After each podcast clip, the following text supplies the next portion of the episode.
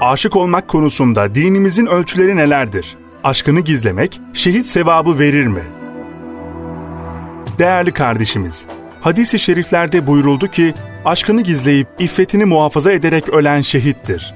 Aşkını gizleyip iffetini muhafaza ederek sabredenin günahlarını Allahu Teala affedip cennetine koyar.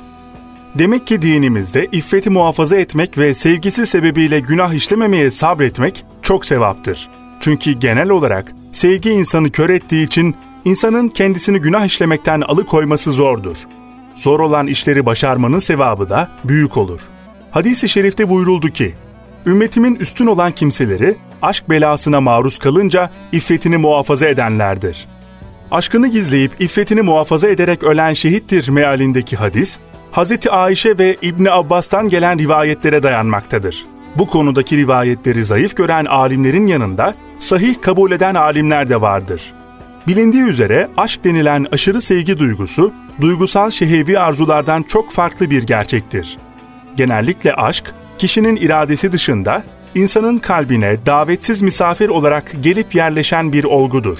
Bu işte muhatabın gerçek güzelliğinden ziyade gönlün kabulüne göre izafi bir güzellik söz konusudur.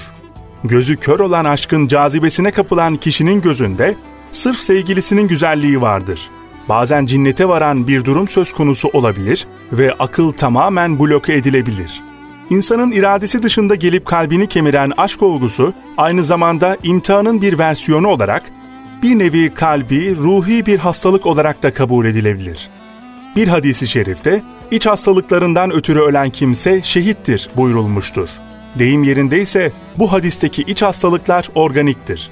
Aşktan dolayı oluşan iç hastalıksa ruhi, kalbidir. Aşka, kalbi, manevi olmakla beraber bazen insanın kemiklerini eritecek kadar organik hastalıklara da sebep olabilir. Bazı rivayetlerde gizleme kaydı yoktur. Fakat bütün rivayetlerde iffeti koruma kaydı vardır. Bu da gösteriyor ki aşkın en belirgin özelliği nefsani değil, kalbi olmasıdır.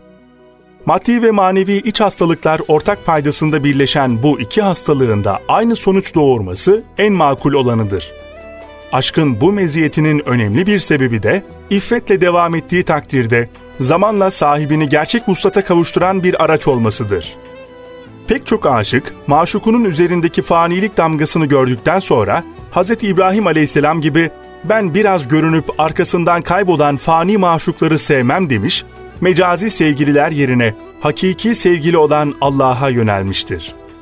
İnsanın gönlünü fani sevdalardan alıp baki bir yare sevdalı yapan aşk gibi nurani bir iksir, içinde şehadet şerbetini barındırmaya sezadır. Ayrıca aşk, genellikle muhatabın güzelliğine bakmaksızın ve insanın iradesi dışında gönülde meydana gelen coşkun bir sevgi potansiyelidir ki, bir açıdan imtihan için verilen bir musibettir. Böyle bir sevgi potansiyelini hazmederek, onu nefsin kötü emellerine alet etmeden sabreden bir kimsenin bu tavrı, Allah'a olan saygısının bir yansımasıdır.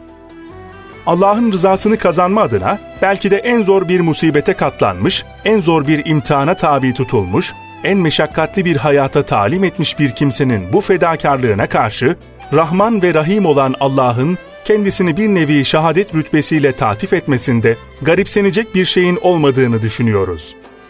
Suda boğulan, yıkım altında ölen, iç organların hastalığından ölen kimseler de birer şehit kabul edilmiştir. Şüphesiz bu gibi kimselerin şehitlik mertebesi Allah yolunda cihat ederken öldürülen kimsenin kazandığı şehitlik mertebesiyle aynı değildir. Velayetler arasında mertebeler olduğu gibi şehitlikler arasında da dereceler vardır.